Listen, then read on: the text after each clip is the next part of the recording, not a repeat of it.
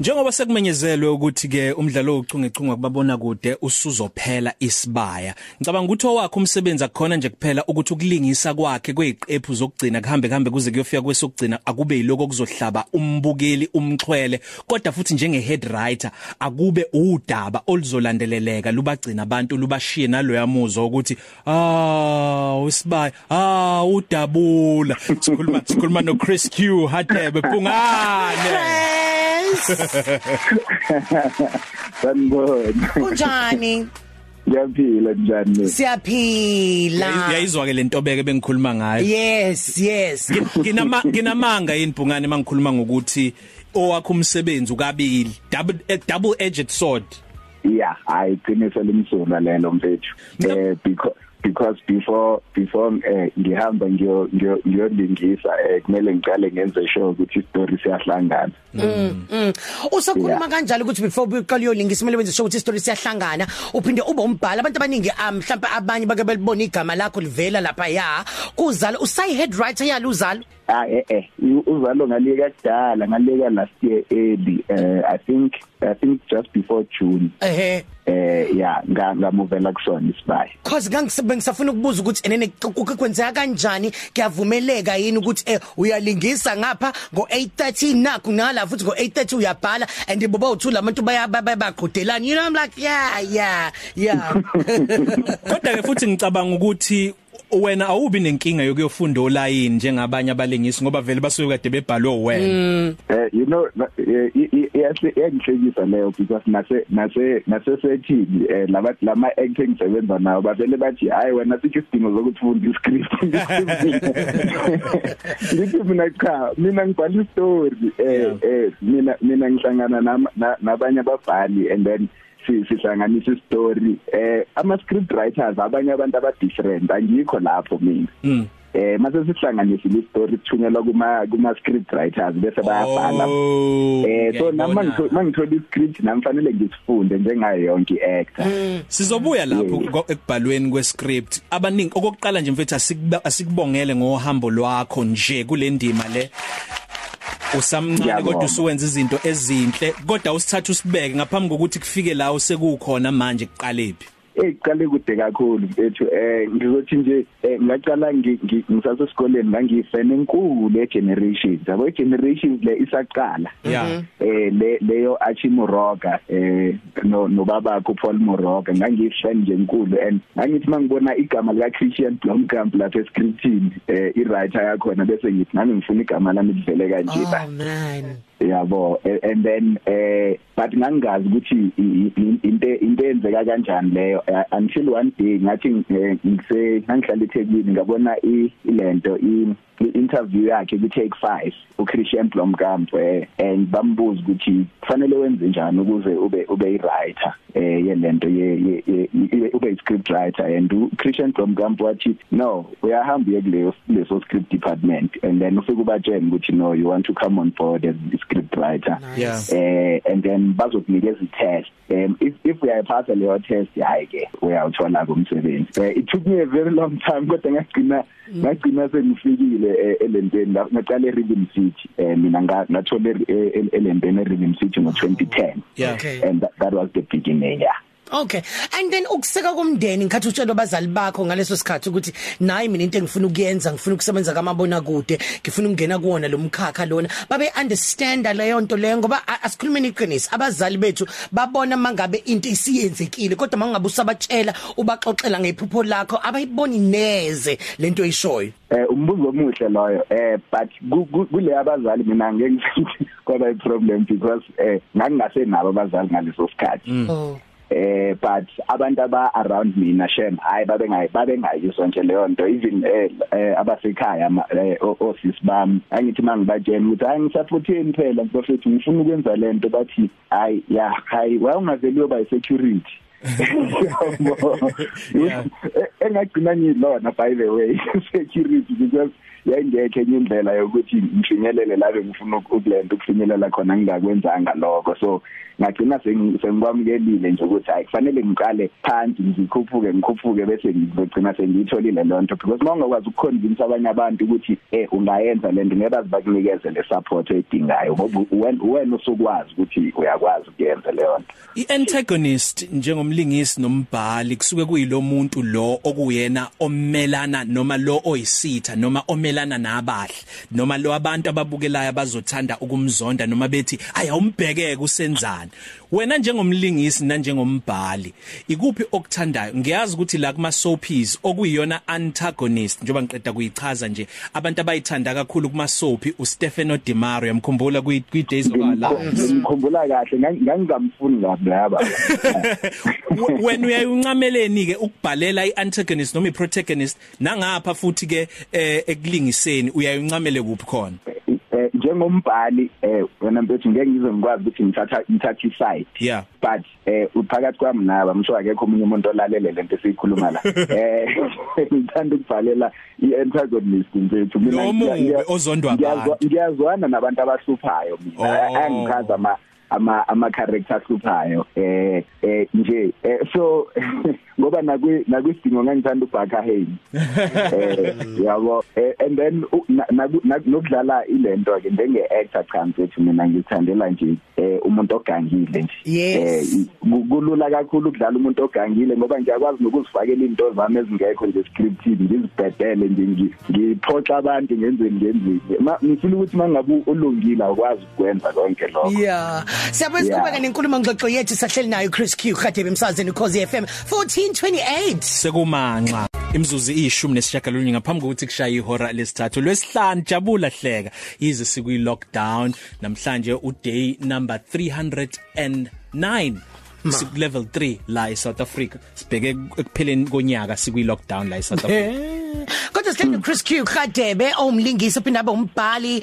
Oh yes, esinayo njengamanje line. Hi Chris usa grand usakhona usa Siyabonga ukuthi right. bambe ngisakhona ngicela ukubingelela no nabo bonke anti nje abakho elukhozi o anti nje abalalela ukhozi o anti ngabalalela ukhozi eh indaba abalulo anti Lo anti kuphela. oh.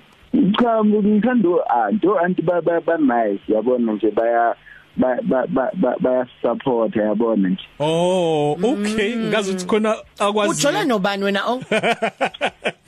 angizwandi Ujula noba? anjoli mina ngizenze Good, good. yeah Chris Yeah. iziphi iqephu phecelezi episodes othi mawukhumbula umdlalo isibaya uthi yabona ke leya irate kwahamba phambili kunawo wonke esengeke ngawabuka ngenzeka wawuyingxenye yaso leso siqephu noma wawungeyona. I-episode yeah. Maningi kakhulu eh? Maningi kakhulu. Emaningi As- as- asiyeke ke isiqephu siye kwi storyline udaba olithile ngiyazi mina olwami nabaningi olikamgijimi sasimnandi sibaya ngalesi sikhathi sikamgijimi. Oh, yes. isipho ni storyline kodwa ke osikhumbulayo nesahlaba umxhwele. Nonke abantu be crew cast nababukeli kwakhombisa ukuthi bayasithokozela kakhulu. Eh ilesi sika sika lento sokuphuma kuya lento kampi yakhe eh lesikhathi ese eselento i-character sehamba yeah. Yeah in fact eh i- i- i- eh, leyo leyo episode iyona iyona yangihlaba umxhwele impela because eh okokuqala nje i- ilento performance kaSiyabo Mathwala no nolento noSidumo Umtshali i- in that episode awe ma Yeah. hayi ya no na- namanje i feel eh, eh, ngisa- ngisabuyela nje ngi- ngi- ngi- ngifike ngiyibheke kabusha and namanje ngiyakakhola like eh umsebenzi omuhle wenziwa nababantu ayingeke mfethu Alright. Um khona into esijwayele ukuthi siyenze la ehleleni ukuthi sifike sikunike igama elilodwa and then wena usitshela ukuthi into yokuqala eqhamuka emqondweni mangabe sikusitshela lelo gama lelo okay. Eh, okay Ufuna ukuhamba kuqala ume ume. Absolute, ngaqala Alright. Um qala wena. ebhubesini kusho ukuthi uyachaza nje ukuthi yini ekufikelayo masikhuluma ngaleyo nto leyo ngenzeka usho into nje ozo ezovela uyisho ngenzeka umusho nanoma ungayisho isikhathi esingakanani akusho lutho so number Eh, 1 ebhubesini eh isiZulu. isiZulu? Yes ilanguage Oh isiZulu yes ngendlela ukuthi abayibuza ngayo. Yeah bengithi nice. uzo- bengithi uzothi ama AK47 no ngikhaza ngikhaza isiZulu mina yeah. Oh okay. Okay. Ferguson Films. Ini? Ferguson Films. Ferguson film yeah. Uh, beautiful visuals. Nice. Okay. Ileyo nto vele baziwa ngalokho? Eh mina nje mangiboni mangizwa kuthiwa kune Ferguson Films eh, eh, eh, like ina ina production ye Ferguson Films ngivele ngicabange nje ukuthi izoba inhle kanjani. Mm okay.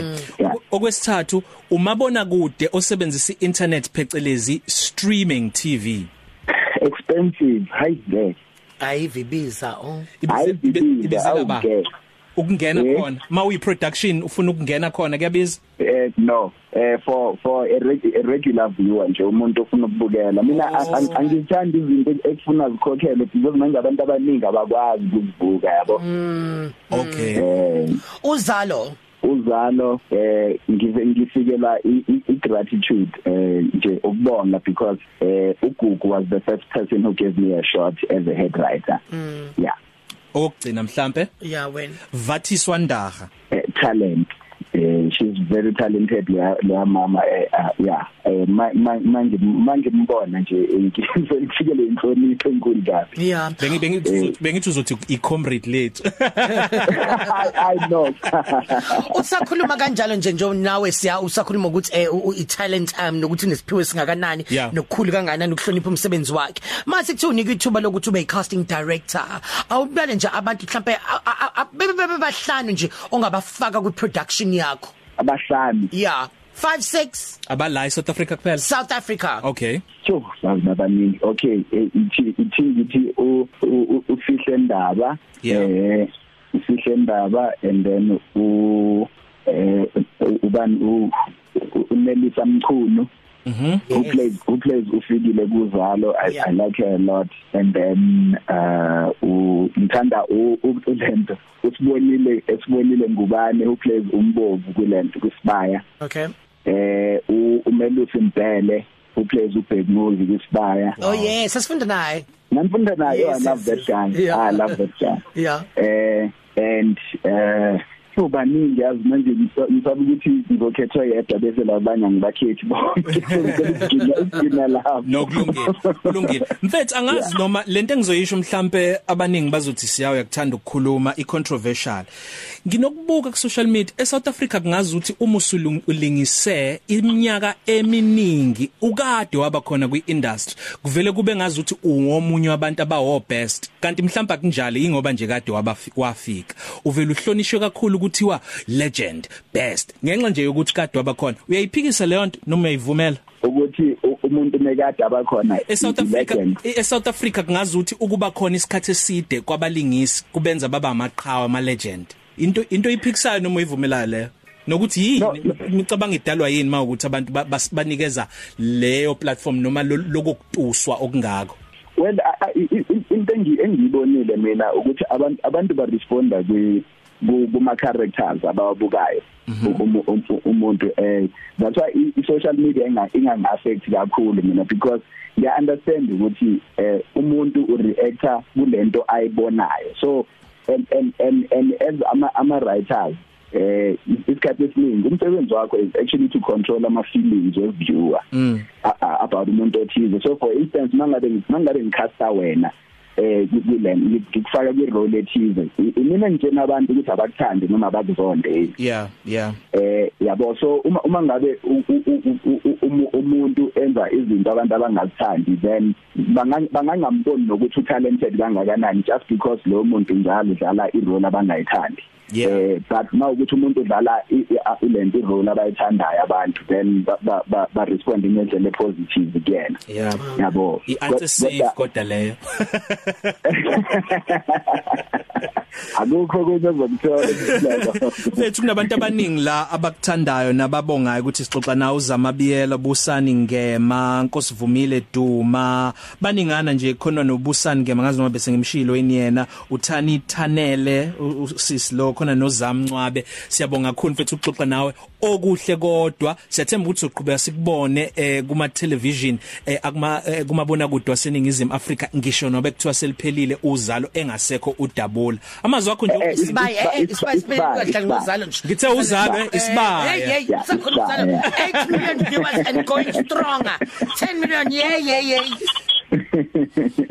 siyabonga siyabonga. Ngiyabonga ukuthi ukuthi ningimeme ngiyabonga nakubalaleli eh ngethemba ukuthi eh bazoqhubeka kanjani nje basupport uyalandeleka uyalandeleka ku social media? Eh kakhulukazi kulento ku Instagram. Ngimkhulu kakhulu nje ku Instagram eh sengisho ukuthi ngimningi hayi ukuthi ngimkhulu.